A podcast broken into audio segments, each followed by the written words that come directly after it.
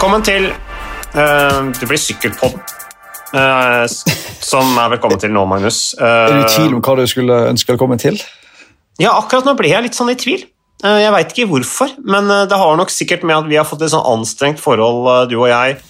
Det kan jeg bare ta med en gang. Altså, jeg beklager det, Magnus, jeg har sagt det flere ganger, men, men jeg, er jo ikke, jeg er jo ikke vant til Altså, jeg er ikke en sånn Jeg er ikke fotballsupporter vanligvis. Altså, jeg har aldri hatt noe fotballag jeg liksom har heia veldig med. Jeg har liksom fulgt litt med sånn Rosenborg var bra på back in the days. og Akkurat nå følger jeg litt med på, på Liverpool, fordi at barna mine syns det er veldig gøy med Liverpool. Kona mi heier på Liverpool. Jeg var gift med kona mi i mange år, faktisk, for jeg skjønte at hun var ihuga Liverpool-supporter. Det visste jeg ikke eh, når vi gifta oss. Det er ikke noe problem, det, men, eh, men det er bare plutselig det er liksom Liverpool som gjelder hjemme hos oss, og så har jeg liksom bare blitt på en måte dratt litt i det. Og Så satt vi og så på den fotballkampen i helga med Liverpool mot Arsenal. Og så sendte jeg da melding fordi at jeg tenkte hvordan har Magnus det nå? Og så skrev jeg hei, Magnus. Hvordan er det å være Arsenal-supporter akkurat nå? Og da var det 3-0. Og så sendte jeg en ny melding hvor jeg skrev akkurat det samme, da det var 4-0. Men du svarte ikke. Og så tenkte jeg oi, shit. Nå har jeg kanskje trådt litt over streken, for jeg visste jo ikke at, at dette her var uh, så mye følelser involvert som det det opplagt er når du er fotballsupporter. Så jeg er veldig glad jeg ikke har vært fotballsupporter hele livet mitt. Altså. Hvordan er det egentlig? Har du, har du tilgitt meg nå, eller? Det tar nok litt tid, uh, for det er jo en sånn bro-code at du en veit hvor vondt det gjør, så derfor lar en være å være sånn hoverende når det først går bra. mm. så jeg får alltid en haug med meldinger hver kamp, og da er det bare jeg bare legger mobilen opp, opp ned eller skrur den av. Og så mm. skrur jeg på etter kampen, og så bare lar jeg alle snapper og meldinger og sånt. Jeg lar det bare, lar det bare være, og prøver på en måte å gi et signal med å ikke svare. Uh, veldig få som tar det signalet. Da. Så det, mm. det renner jo inn meldinger hele tida. Men uh, det er mitt lodd i livet, ja. og det er jeg vel for så vidt innstilt på å komme gjennom. på sett og vis. Men uh, fra nå av ja. ber jeg helst om du slutter å sende sånne provoserende meldinger i nederlagets time. Men det du sier er jo at det er jo ganske vanlig da, at dere fotballsupportere disser hverandre. Så, så ja, egentlig så, så, så, var det helt korrekt atferd av meg. Jo da, hvis du var 15 år, så var det det. Ja, ja, jeg så jo denne fotballkampen sammen med barna mine. da. De er 9 og 11, så sånn sett så ble jeg sikkert trukket litt ned i sånn mental alder. For det første av å se på fotball, og for det andre da, å være sammen med barna mine. Men, eh, men eh, i og med at jeg ble bekymra for deg. Jeg lurte liksom på om det hadde skjedd et eller annet. Liksom, for du pleier jo normalt å svare på tekstmeldinger, men her skjønte jeg, her traff jeg et ømt punkt. Så vi får heller snakke om sykkel, eh, Magnus. Det er jo faktisk eh, Vi har snakka litt i det siste om at det er lite som skjer, men eh, nå har jeg egentlig funnet ut at det er veldig mye som skjer på nyhetsfronten som vi kan snakke om. Vi kan jo starte med det som er negativt, og få det unna. Tour of Colombia det er eh, avlyst. De har som målsetting å arrangere igjen i 2023. Det har visst ikke noe med covid å gjøre, det kan jo være at det er noen indirekte årsaker, men Årsaken skal være økonomiske problemer, slik jeg oppfatta det. Dette rittet som da skulle gå fra 8. til 13. februar, hvor Torstein Træn, som vi husker, oppsiktsvekkende ble nummer ni i 2020, det året det ble vunnet av Sergio Igita. Har du hørt noe om noe hvorfor det er avlyst, eller? Nei, det var bare penger, ikke det? Mm. Virker det som. Ja. Men eh, jeg tenker jo det er jo kjipt, det, selvfølgelig. Men uh, det folk snakker mest om, er kanskje det som er mm, enda mer oppsiktsvekkende. At Peter Sagan uh, liksom, angriper politiet og får 50 000 kroner i bot. Og, ja. uh, historien var vel at han Det var rett før Tour de Romandie, tror jeg, da, i april i år. Mm. da han ble ifølge seg sjøl hadde vært og lagt sønnen sin til å sove hos ekskona i Monaco. Ja. Jurai Sagan, som den eminente hjelperytteren han, han, er, skulle da kjøre Sagan, altså broderen, da, på en elsparkesykkel, tror jeg. Electric scooter, er ikke en elsparkesykkel? Mm, jo. Og så, etter da, at du har sånn der um, Hva heter det? Sånn innetid i koronatida. Uh, du skal holde innendørs for ikke spre dette viruset. Ja. Og da kom politiet. De så en kjent fyr på sparkesykkel, stoppa han. Uh, og det var ikke bra, for da var Peter Sagan uh, dritings. Ja. Og da stusser jeg med en gang. Og så er du la kiden din dritings på ja, Det er et eller annet som skurrer der. da. Eh, Så han motsatte seg jo selvfølgelig enhver beskjed, og skada da handa på politifyren. eh, I en frykt for at han nå skulle bli tvangsvaksinert. Det som altså skurrer.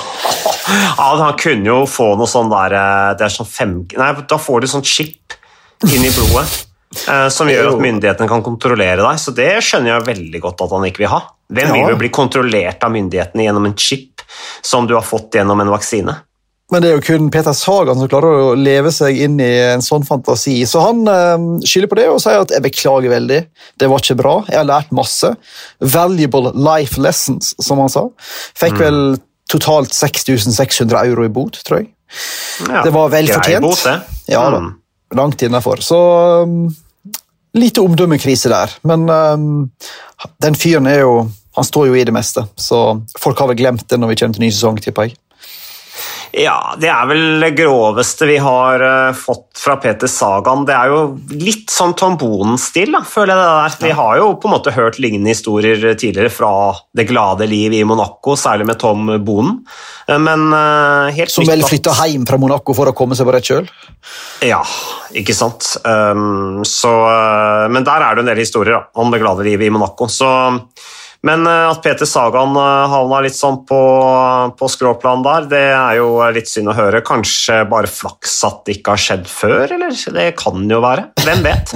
Men han skal i hvert fall sesongdebutere da, i sitt nye lag Total Energies i Welta a San Juan da mellom 30. januar og 6. februar. Han har jo deltatt to ganger tidligere der i Argentina. da. Peter Sagan det var eh, i 2019 og 2020 har jo da fem topp ti-plasseringer, jakter etappeseier der. Eh, Det blir jo litt gøy. Det er jo egentlig bare å begynne å telle ned til da, Magnus. Det er jo en del andre ryttere som har tenkt å stille opp der i Argentina også. Filippo Ganna, Elia Viviani, Remco Evenepool, Evenepool som vant i 2020 foran nettopp Ganna. Og så er det dette italienske landslaget som stiller til start der. Det er jo litt sånn spesielt at det plutselig er et italiensk landslag. Men eh, det blir jo eh, bra ritt, tipper jeg, i og med at det ikke blir noe Tour Down Under. Eller det snakkes faktisk om at det kanskje blir Tour Down Under, men det er vel veldig usikkert. Det blir åtte etapper langt, da, en ekstra i, i, årets, neste års utgave. Eh, og det vil da selvfølgelig bli større interesse i og med at det er litt press på de sykkelrittene som blir eh, arrangert. Har du fulgt med noe på Velta San Juan, du, eller, eh, Magnus? Ja, ja, ja, ja, ja. Eh, Det er jo en eh, episk eh, stream du kan følge deg hvert år, med sånn bakgrunnsmusikk. Og så er det ofte en slags skjerm der du Du ser litt av sykkelrittet, men du ser ofte også vel så masse av de to som sitter og kommenterer. Ja. I tillegg til bakgrunnsmusikk, da. Og yrende folkeliv langs steppene der nede. Så det er et ganske snork sykkelritt, men de har blitt gode på å betale en del kjentryttere masse penger for å komme dit. Så da får du jo Evenepool og ja, Sagan, Sagan som var på, var på løypepresentasjonen til og med for Vuelta San Juan. Jeg så det. ja. Seriøst. I alle dager! Hva er det som skjer? han tid til det, liksom? Det, da har de masse penger å diske ut, altså. Hvor mange dager med trening tapte han ikke på det, liksom? Um, så jeg hadde jo vært litt Jeg føler at han kommer inn i Total Energy litt på hæla allerede, Peter Sagan, altså. Vel, Som altså, han som uh, Ja, for øvrig, jeg visste ikke at det var arrangert uh, helt tilbake fra 1982, faktisk. Det rittet. Så, så det. Du skulle si noe, jeg avbrøt deg, Magnus. Du var et eller annet på Peter Sagan. Nei, jeg sa bare at eh, du sa at han kom litt sånn på bakbeina inn i total null energi. Mm. Uh, og da prøvde jeg bare å være morsom og si, som så mange andre. Men uh, det er litt av en vits, da. Så Ja, det var det var bra, bra vi fikk med den. Bra jobba, bra jobba. Bra humor. Men uh, World Tour-lag signerer juniorer helt ned i 16-årsalderen. Eh, når de allerede er førsteårs junior, er det, jeg her i tror jeg Velo News, ja, som har en sak på det hvor de altså har uh, intervjua en uh, agent her, Jamie Barlow, som er agent i Trinity Sports Management. Um, som også er eh, da laget bl.a. bak eh, Trinity Racing, hvor eh, Thomas Pidcock har sykla, og flere andre gode briter også, eller unge britiske talenter. Han mener jo at det bør være inn en regel han, som begrenser, eller setter en aldersgrense på når du kan begynne å sykle i, i World Touren. Um, og han er bekymret over denne utviklingen da, med måten World Tour-lag henter unge ryttere. Um, hva tenker du om det? Det er jo ganske aktuelt, i og med at vi har nå det tilfellet at um, Trym, Vest, Trym Bjørnar Westgård Holter går fra videregående til småledende sykkelklubb til um, profflivet i Italia uh, i en alder av 18. Hoppe over uh, galant over U23-klasser der. Jeg snakka litt med Lars Holm, da trener på NTG Bærum, om det tidligere i dag. faktisk. Mm. Og Han er jo ærlig på at det er jo ikke noe jeg anbefaler. Nei. å hoppe over. Det er ikke noe en eh, vil tilråde. Men at en i tilfelle med Westgård Holta for eksempel, da, så har vedkommende en, en, personlighet og en sånn robusthet uh, uh, som gjør at han vurderer at han vil tåle å få en del trøkker i trynet. Mm. Uh, Fysisk eller mentalt? Nei, jeg får håpe det mentalt.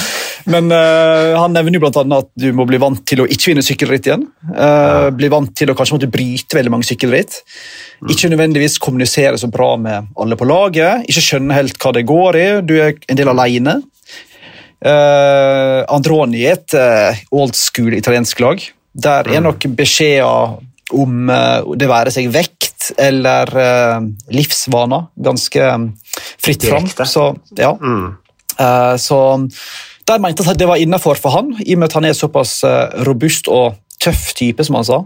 Mm. Men det er jo langt fra alle det der er liv laga, da. Men han Barlow, da, som er agent for en del profilerte ryttere, nevner jo da ryttere i 16-årsalderen. Det har jeg aldri hørt om. Nei. Så jeg vet ikke helt hvor reelt det han snakker om er der. altså.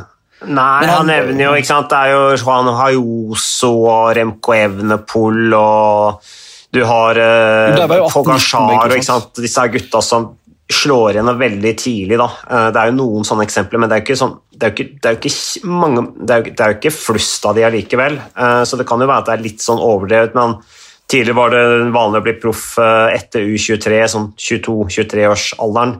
Da hadde du i hvert fall vært det hadde i hvert fall lært, det hadde gått en utvikling da, hvor du hadde lært deg å sykle offensivt i et felt. altså Kanskje på en måte lært deg å sykle da, på en annen måte.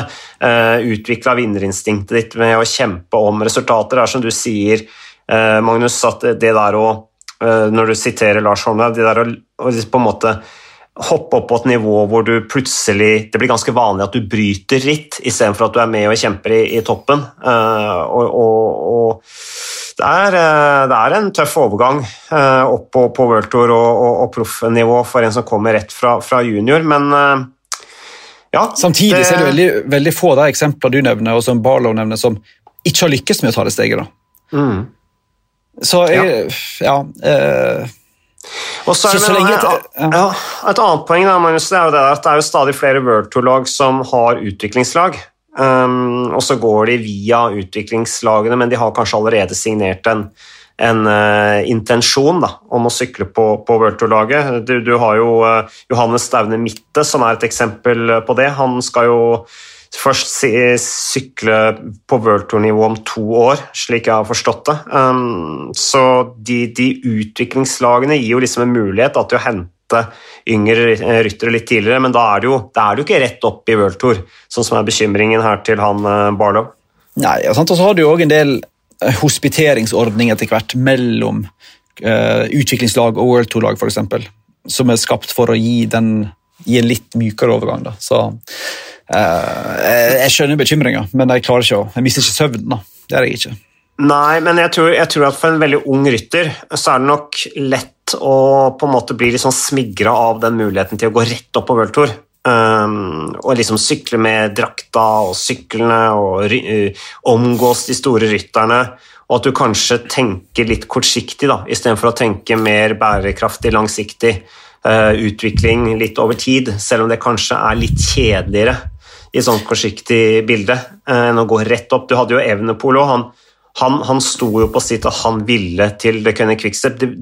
Patrick Lefebvre mente det ville være fornuftig at han gikk via utviklingslaget deres, men Evnepol ville det annerledes, og så var det til slutt at uh, Patrick Lefebvre bare måtte gi etter og si ok, greit, fordi at han var så etterspurt. Da ville han kanskje signert for et annet World Tour-lag. De ville ikke miste han. Så, men uh, apropos uh, Westergård Holter, uh, vi snakket jo litt om han forrige episode, Magnus, og da tisa vi jo det at vi skulle komme til intervju med han, og du har jo vært og snakket med han. Ja, vi uh, tok det rett før ei um, intervalløkt klokka 09.00 oppe i Bærum der. Uh, inne på rulla. Så um, tok jeg en rask prat med vår nye sykkelproff. Da kan vi høre hva Westgård Holter sier. Med proffkontrakt, Fortell hvordan avtalen kom i, i stand. Jo, eh, så Det startet egentlig etter jeg vant eh, NM. Eh, og jeg ble kontaktet av det som nå er agenten min. da. Og han så potensial til å gjøre det bra i både EM og VM. Så veltet jeg ut av EM da, og mista VM også. Men de så jo fortsatt potensialet der, da, så da eh, var de fortsatt interessert. da. Og Så da endte jeg opp med å signere med Androni, da, eller Drone Hopper til neste år. Da, da blir du eh, tidenes yngste norske sykkelproff, hopper over hele U23-klassa. Eh, er du trygg på beslutninga?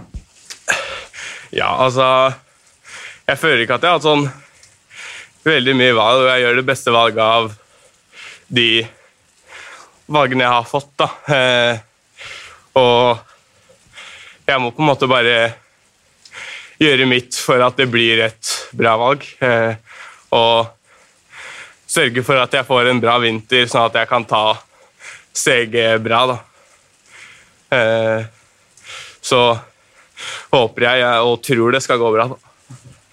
Er du overrasket over at du får et sånt tilbud allerede, eller så du den um, komme? Eh, det skulle bli pro-konti, så er jeg ikke helt eh, for meg. Eh, eh, som sagt så håpet jeg og trodde jeg kom til å gjøre det bra i EM og VM. Eh, så jeg så for meg at eh, en kontrakt kunne være mulig. men at det skulle bli pro-Conti allerede, hadde jeg ikke helt sett for meg. Er det kult å være Tines yngste norske sykkelproff? så jeg tenker ikke så mye på det, egentlig. så jeg og Sebastian som sitter bak her, har jo en podkast. Eh, og jeg nevnte det der, og det var egentlig første gang jeg tenkte over det, at eh, det er vel faktisk ingen som har vært yngre, som har eh, hatt proffkontrakt tidligere. Så det er litt kult selvfølgelig å kunne si det, men det er ikke jeg tenker, noe jeg tenker over noe særlig. Vi vet jo at du er god på tempo, men for de som ikke kjenner deg så godt, hva slags type rytter er du? Hva slags type rytter har du lyst til å, å bli om noen år? Eh, om noen år så ser jeg vel for meg å bli en sammenlagtrytter. Eh, eh, med sin spesialitet på tempo, da. Eh, så i år har vi jo fokusert mye på tempo inn mot EM og VM. Eh, men senere ser jeg for meg å kanskje utvikle meg til å bli en rytter som går bra oppover, men eller som går veldig bra på tempo, da, men som holder følge oppover.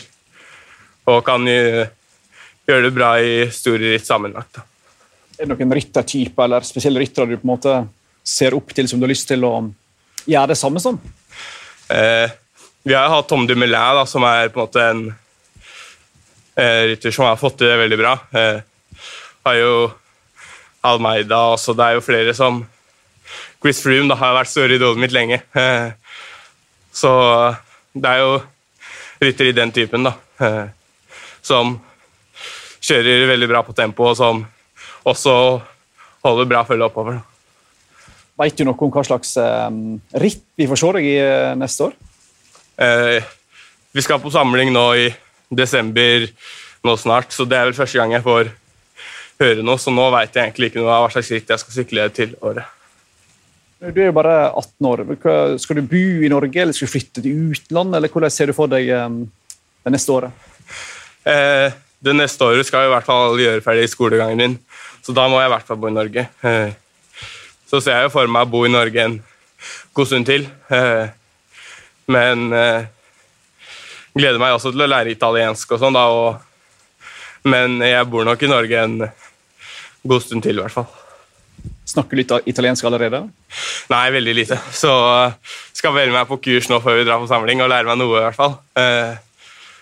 Så ja, det blir spennende. Du, nå er du inne på tredje året her. Uh, og så er det rykte om at når du begynte på denne skolen, så kom du med en fem- eller seksårsplan. Stemmer det?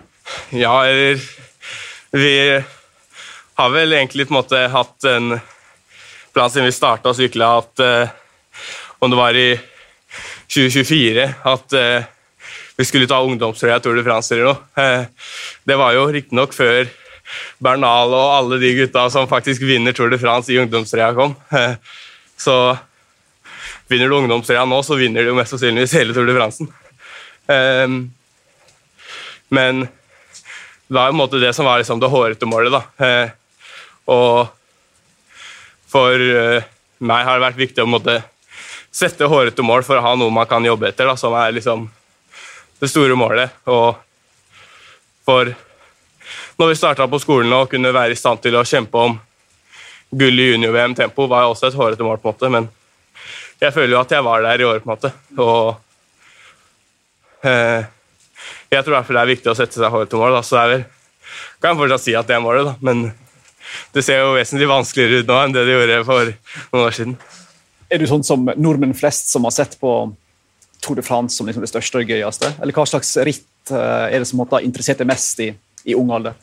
Nei, det er jo Tour de France, selvfølgelig. Eh, og det er på en måte Selv før jeg starta med sykling, så har jo Tour de France vært liksom det rittet jeg har fulgt med på. Det er jo først etter jeg starta med sykling jeg så på de andre rittene. Eh, så det er liksom Tour de France som har vært det store målet. Ja, det var Trym Bjørnar Vestergaard Holter. Er det ikke Bjørnar? Trym Bjørnar Vestergaard Holter. Bjørnar, ja, ikke sant? Han uh, var litt andpusten, så hvis dere lurer på hvorfor han var andpusten, så satt han på rulla mens du intervjua han, eller? Ja, ja, ja, ja. Her er det ingen nåde å få. Uh, her er det Får pause her, altså, for å ta et intervju. Nei, og, eller det vil si Ja, ikke sant. Han, han, uh, nei, han har ikke tid til å stoppe og trå for å bli intervjua. Så det er jo tegn på at han Tida er dyrebar. Han har dårlig tid. Han skal komme i form til 2022. så Det er jo i seg selv et godt tegn, Magnus. Han bruker tida godt. Ja, ja, ja.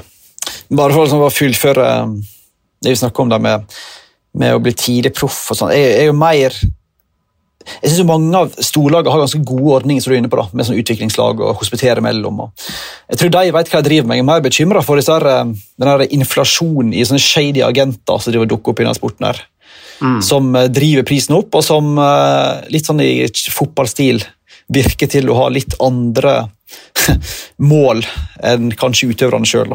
Um, har vel Westgård Holter fått for Giuseppa Giuseppe Quadro? Ja, Quadro, ja. Som uh, agent, som har gjort, slått, slått, seg veldig opp de siste åra. Mm. Blitt veldig stor, uh, innflytelsesrik agent. Uh, så vi får håpe han har um, han har de beste intensjoner, det har han helt sikkert. Er, vi har jo snakket en del om Aquadro uh, Magnus, i den podkasten. Uh, agenten til Egan Bernal, uh, Risha Carapaz, en hel haug med andre ryttere òg. Husker du noen flere? Det er, jo, det er så mange der. det er en haug med søramerikanere spesielt. da. Som, ja. Han har spesialisert seg på litt sånn eksotisk marked, da, kan du trygt si, i og med at han har veldig mange søramerikanere. Og nå ser han mot Norge. Så er det veldig kult, da, på en måte. Absolutt er litt gøy, da. tenker jeg At vi har en sånn ung nordmann som har selveste Aquadro som uh, agent. Um, det tyder jo på at uh, disse agentene og Aquadro osv. ser mot uh, Norge, i hvert fall, og ser den utviklingen som har vært her på særlig U23 på U23 og junior. Per Strand Hagenes, f.eks., som jo skal kjøre for Jumbo Visma sitt utviklingslag fra neste sesong. Så det er, eh, det er, bra det, at de blir hentet, og så får vi bare håpe at de eh, tar eh, overgangen, og at de er voksne nok til å tåle å være i utlandet. Bli voksne, men det, tror jeg, det har jeg egentlig trua på, Magnus. for det i gamle dager så var det sånn at veien gikk via amatørlag i utlandet. Det var en relativt tøff skole, det òg. Så det er jo eventyrlystne unge gutter dette her, som ønsker å få maks ut av karrieren sin. og Han snakker jo om å lære seg språk, han snakker jo om at han skal fullføre skolen først og sånne ting. Så det er eh, en reflektert, syns jeg, Westergård Holter som eh, pakker sekken og reiser nedover til Italia for nye eventyr i Androni Giacatoli. Så det blir bra. Magnus, litt mer nyheter. Uh, ja, det er jo sykkelcross-sesong, så jeg har notert meg her at uh, det går rykter da i nederlandske aviser, det er vel nederlandske avisene HLN, som skriver da at Matthew van de Poel og Val van Ert de får altså rundt 20 000 euro i startpenger for å delta i verdenscup da på, um, på på, når de er i Europa. Og så var de da 30 000 euro for deltakelse som krever mer reiser. Da. Eller kan jo godt tenkes at det også er i Europa, men uh, hvis det er lengre, lang reisevei osv., så, videre, så får de da 30 000 euro da, i startpenger for å delta i verdenscup i, i sykkelcross. Du høres så sjokkert ut. Eh, nei, jeg gjør egentlig ikke det, men det sier jo kanskje noe om Jeg tror ikke de, de hadde ikke fått 30 000 euro av Flandern rundt og Paris-Roubais for å kjøre der. Der er det der, Det sier noe kanskje om at det er litt tøft å tiltrekke seg de største navnene i, i sykkelcross, og at de i hvert fall utnytter den markedsverdien de har. Um, på å tyne eller melke mest mulig ut av, av systemet. Så ja, det er kanskje ikke noe sjokkerende. Nei, Det selger jo enormt mer øl hvis du har van der Poel eller van Arte. Det kommer så masse folk. og mm. det er jo Ganske mange av de er gode på å arrangere sykkelcrossritter ganske billig. da. I motsetning til disse ekstremt kostbare landeveisrittene, der må ha 1000 vakter, iallfall i Norge. uh, så Nei, det skulle nå bare mangle, tenker jeg. Sammenligna med friidrettsfolk og ja, Peter Sagan sin eh, startpenger for å være på lagpresentasjon til eh, Vuelta San Juan. Så 20 000 euro er en god investering tenker jeg, for å få Fanapola. Altså. Det hadde jeg har gjort hvis jeg arrangerte sykkelcross. Ja, det er jo verdenscup i Besançon i Frankrike til neste helg, eller søndag 28. november. Det var jo Coxside i, eh, i helgen hvor lille Eli Iserbyt vant. Ehm, så det er jo eh, kult, men ehm, det skal jo egentlig ikke være startpenger da, i verdenscupen. Det er jo litt det som er poenget. da, og Derfor så nekter jo også da Flandern Classic, da, som arrangerer flere av disse verdenscuprittene, for at det uh, utbetales startpenger, for det er da egentlig ikke i henhold til reglene. Men apropos sykkelcross, eh, Magnus. Uh, Tobias Halland Johannessen og Mie Bjørndal Ottestad de er ferske norgesmestere i sykkelcross. og vi Gratulerer de med det. Halland Johansen som vant eh, foran eh, Mats Tubås Glende og Knut Røme. Eh, vi snakket om Colombia rundt. Der ble Torstein, som jo Torstein Træn ble nummer ni for et par år siden, Torstein Træn ble for øvrig nummer seks i norgesmesterskapet i sykkelcross. Hadde aldri slått meg som noen sånn veldig sånn sykkelcross-type, Magnus. Hva tenker du om det? Altså Torstein Træn. Nei, jeg skulle til å si det. Da kan det ikke ha vært verdens mest eksplosive løype. Uh, den er god teknisk, da, så ja. uh, Bra kapasitetsritt av det, da. Så nå vet, ikke jeg eh, hvordan det rittet utvikla seg. Jeg leste kun resultatene. Ja. Men det var vel ikke noe overraskende at uh, Tobias Halland Johannessen vant, eller at Mie Bjørndal Ottestad vant. Så så vel Susanne Andersen nummer to der. Ja, og Stine Torstein, Torstein Treens bedre halvdel. Så... Ja, ja, ja, her, vet du, de har reist dit de har kost seg med sykkelcross eh, i helga. Så... Men, eh, men, ja, Susanne Andersen ble, tok sølvet foran Stine Borgli, så det var jo um, bra landeveisdeltakelse uh, i det sykkelcrossrittet. Det, det er helt opplagt at en del landeveissyklister nå ser på det med å delta litt i konkurranser uh, og litt sånn allsidig uh, sykkel sykkelsatsing kan gi resultater. Det er helt opplagt at Matthew van de Poel og Thomas Pidcock og, og Marianne Voss og sånn har inspirert, det er det ikke noe tvil om. Altså. Så, men tilbake til Torstein Trein, det jeg tenkte på med han som sykkelcrossrytter, er liksom han, han, har en sånn På landeveissykkelen så har han Han ser, liksom så, han ser liksom ut som han kjeder seg litt. Altså han, han ser liksom så veldig sånn avslappa ut. Litt sånn henslengt, lettere henslengt, på en måte. Eh, og da tenker jeg liksom hvordan hvordan ser det da ut når han må slenge sykkelen opp på skulderen og løpe opp bakker og sånne ting? Det må ha vært, uh, vært et fascinerende syn, men det er i hvert fall morsomt det at, de, at det har vært NM i, i sykkelcross, og at det er, arrangeres jevnlig sykkelcrossritt her i Norge også. Så jeg vet ikke om det er noe mer du vil si om det, Magnus, eller om vi bare skal hoppe videre? Problemet er jo at det er jo en umulig oppgave uh, for de som arrangerer sånne ritt i Norge. Altså, Vi har jo en uh, norgescup nå, og vi har NM, og det er jo bra. Mm. Men uh, suksessen til sykkelcross på kontinentet er jo 99% basert på øl. Ja. Uh, og den feststemninga. Og det er noe vi ikke skal blande med idrett i Norge, så er det øl og feststemning. Så jeg er litt sånn spe spent på om en klarer liksom å gjøre sykkelcross liksom til sånn folkebevegelse her. Da. Det er kult en prøve, men uh, hvis du har sett fra Nederland og Belgia, så er det stort sett fordi folk driver og drikker og drikker og drikker. og har en skikkelig sånn techno-party med sånn grusom musikk i bakgrunnen. der. Så um, det blir liksom noe litt annet her i Norge. da. Litt flere hinder du skulle hoppe over for å få det til. Ja, Det er litt sånn Woodstock-stevning på disse sykkelcross-ritta. De, eh, det starter sikkert sånn relativt eh, gemyttlig, og så eh, for hver runde Så blir det som rent fylleslag. altså. Ja, ikke sant? Det bare renner det øl og sørpe, og de ruller rundt. Det er, det er ikke sånn veldig glamorøst, men det er sikkert moro bare du får i deg nok å drikke, tenker jeg. Men jeg Sånn tror på en måte det er en forutsetning, kanskje, at du nettopp får i deg nok å drikke, da. Ja, det tror jeg er sånn krav for å komme inn på arenaen, at du allerede har forsa litt i forkant her. Ja, det tror jeg faktisk eh, du har rett i. Um, så det Nei da, men vi får ta oss og reise ned til et annet en dag, tenker jeg, Magnus, også lage en sånn liten eh, stemningsrapport. Det kan jo være at det utvikler seg i Norge såpass også at vi får ryttere som begynner å kjempe i toppen i, i sykkelcross, eh, disse sykkelcross-seriene som går. Det er jo flere av de superprestige og verdenscupen og gudene vet hva de heter alle sammen. Men eh, en som ikke sykler sykkelcross, det er Mark Cavendish, men han er jo derimot eh, ivrig på bane. Han måtte nettopp bryte Gent seksdagers i denne her 166 meter lange Coop-velodromen, hvor det er god stevning.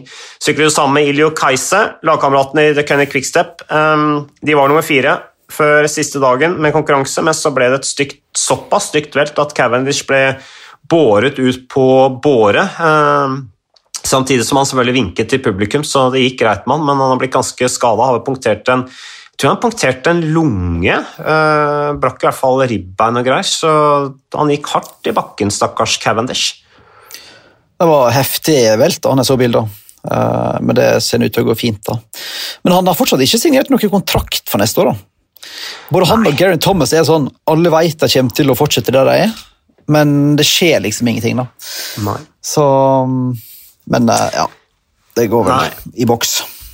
Ja, det, nei, jeg skjønte på deg. Vi snakka litt om det forrige gang også, Magnus. Dette her med Cavendish, at han uh, tydeligvis forhandla om en eller annen rolle i laget, i støtteapparatet, også etter karrieren. Vi regner jo med at det er det siste året hans, men jeg hørte intervju med, med Mikael Mørkøv i forbindelse med eh, Gent seksdagersrittet. Og da var jo Mørkøv nevnte ikke Cavendish, altså, eh, med tanke på neste år. Eh, Han snakket bare om om han nederlenderen, altså Jacobsen, og at han så fram til samarbeidet med Jacobsen, og at han sannsynligvis var mannen som skulle, skulle begynne å jobbe med Jacobsen tidlig, med tanke på Tour og sånne ting. Så det, det tenker, det var litt sånn spesielt at han bare liksom nevnte ikke Cavendish med et ord, eh, så det er sånn opplest og vedtatt at eh, Cavendish uansett må spille annenfiolin i, i det laget neste sesong. Altså, det kan jo være at kanskje Cavendish trenger quickstep mer enn det de trenger han. Jeg tror du har helt rett i. Eh, hadde han gått til Bahrain, da, eller noe sånt, altså det hadde jo ikke blitt det samme. Så Han trenger det mer enn de trenger han, det er jeg helt enig i. Men det er jo en spesiell situasjon at du har fire tappeseiere i Tour de France, og så er det så Det er ikke akkurat sånn at lag ligger langflata, altså. Nei. Uh, han er krevende og krever en del uh, gode kreative lønnsordninger der for å få det i havn. så... Og, og Lefebvre har vel litt sånn mind games der. Han sa vel at um, jeg skjønner at Cavendish har lyst på en kontrakt etter karriere òg, og at han vil se og lære av meg, men skal jeg betale han penger for det? Sant? Så er det sånn her eh, Sånn klassisk holdning fra han. da. Så, Ja. Men det kommer garantert til å ordne seg, på samme måte som Gary Thomas kommer til å uh, formalisere den kontrakten med Ineos.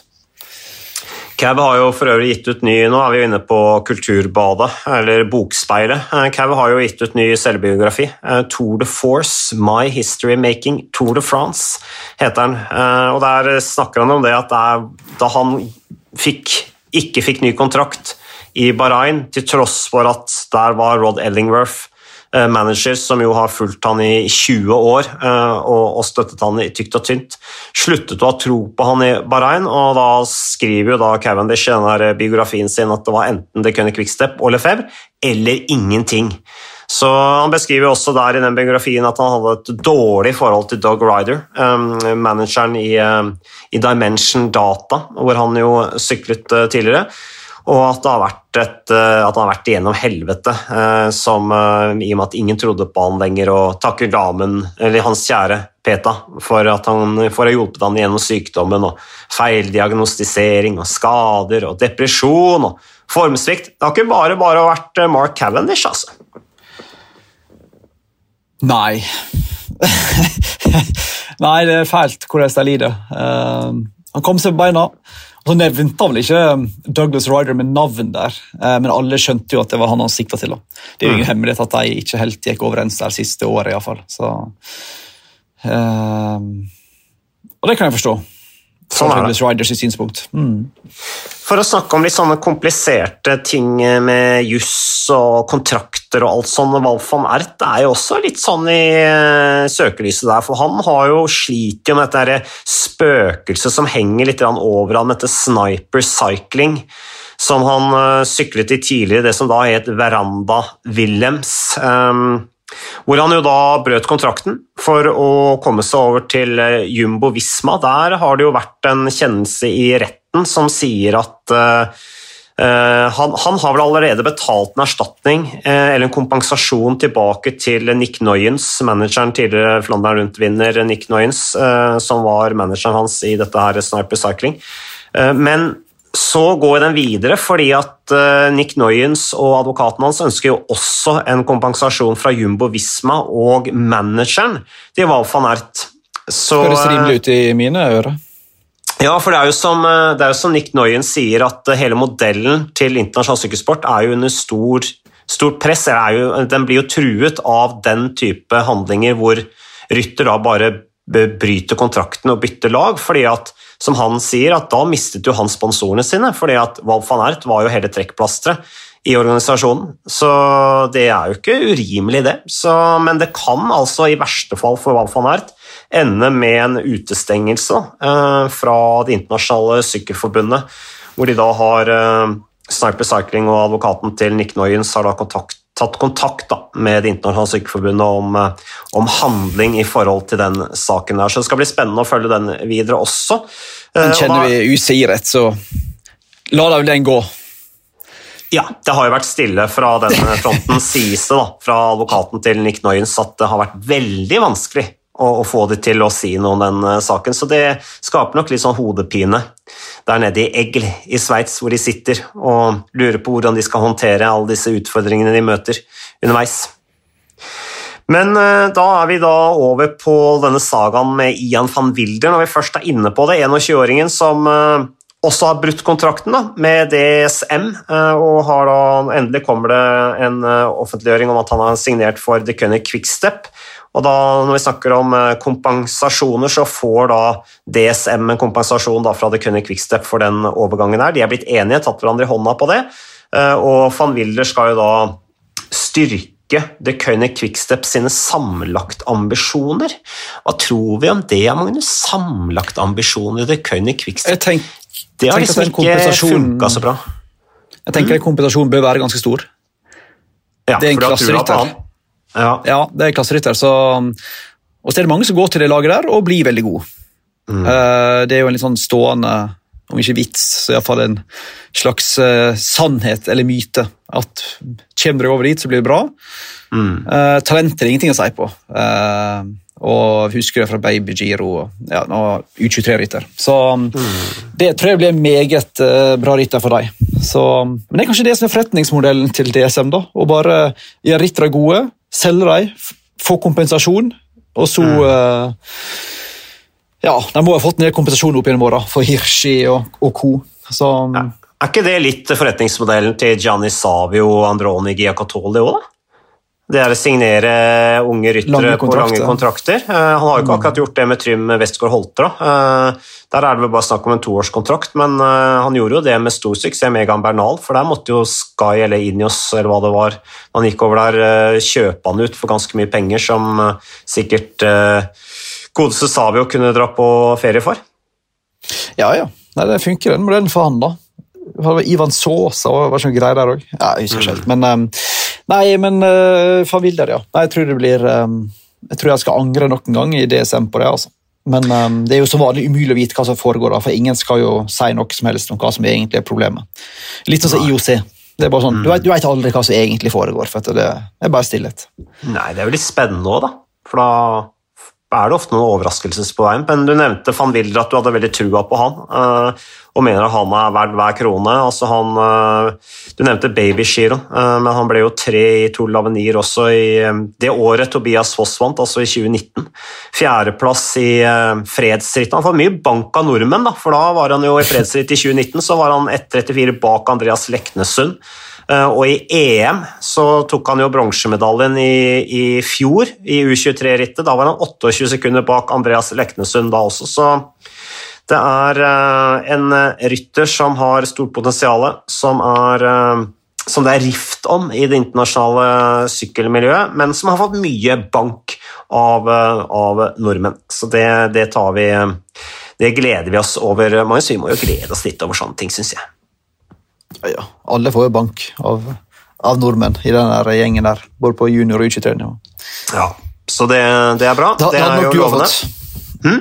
Det hadde nok du ha fått.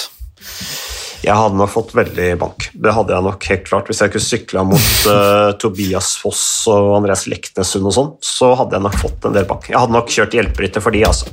Så, men ellers, vi snakka litt om Tadje Pogasjar og, uh, og Giro Tour-dobbel uh, forrige episode, Magnus. Nå sier han jo at han vurderer det i 2023 men at han da til neste år skal kjøre Tour, Toren og Welta-dobbelen. Og så sier han at nei, han sier i et intervju jeg så da, at han syns det er for høy risiko da, å kjøre Giro Tour de France i ung alder. Så litt sånn eh, litt sånn klar over er Tadej Pogasja at han faktisk ikke er så gammel. Men eh, Alessandro, Val Alejandro Valverde eh, går jo inn i sin siste sesong. Det blir litt sånn trist, Magnus, blir det ikke det? 41-åringen. Kunne holdt på lenger, han.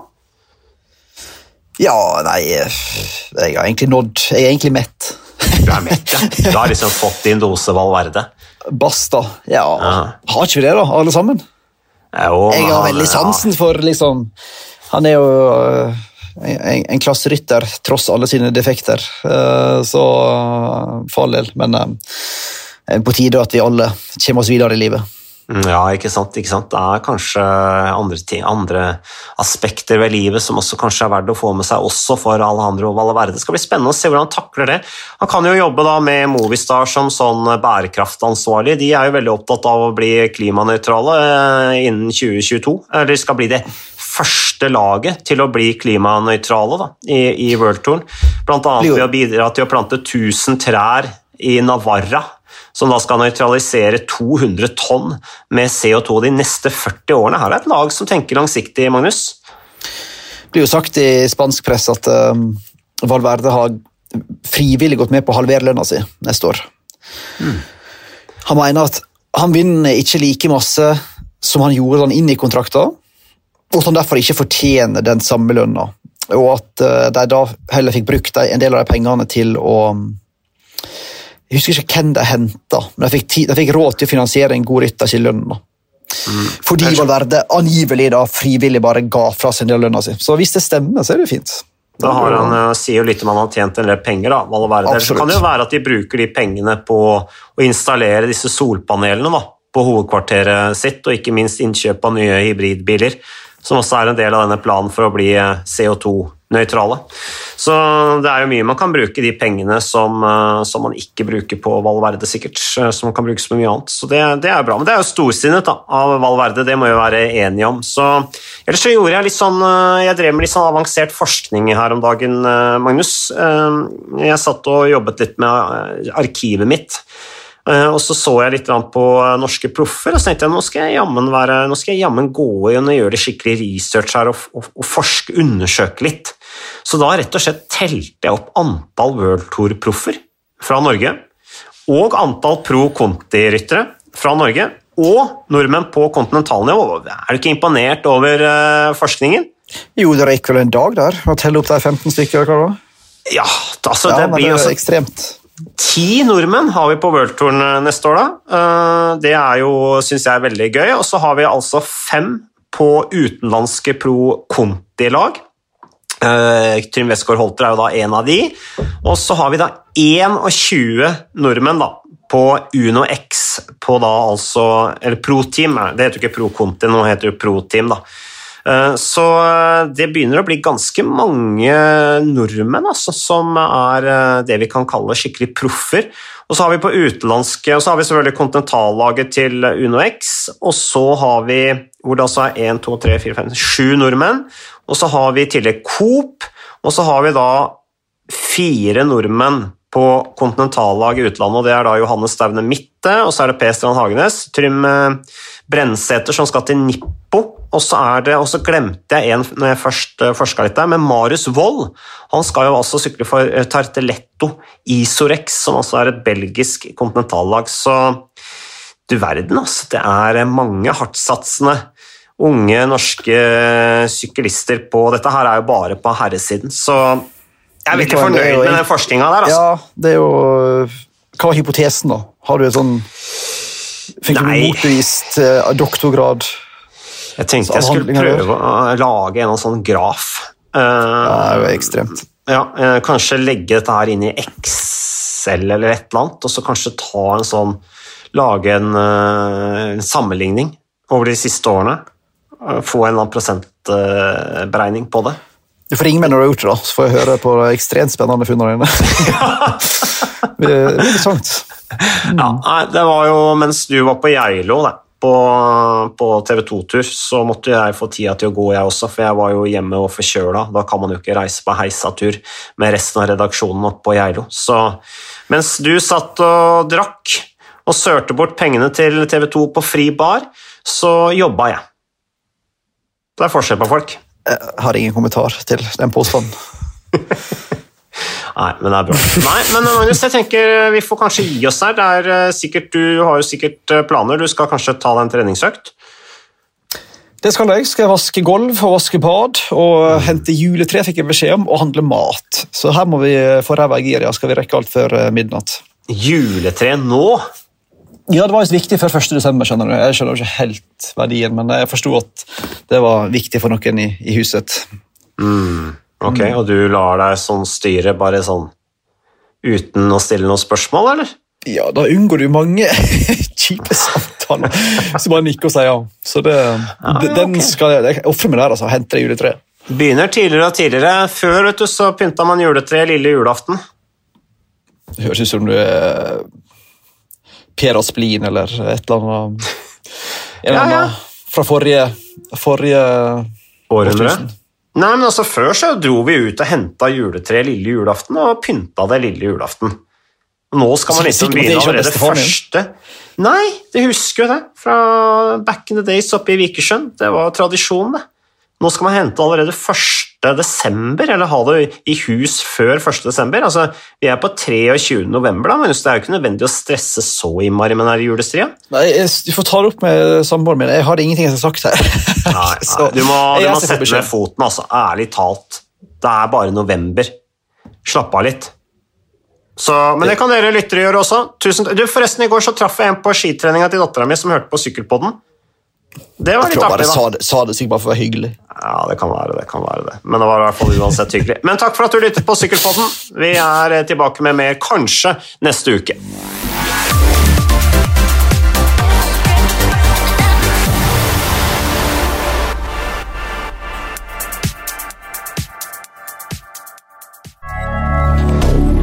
Moderne media.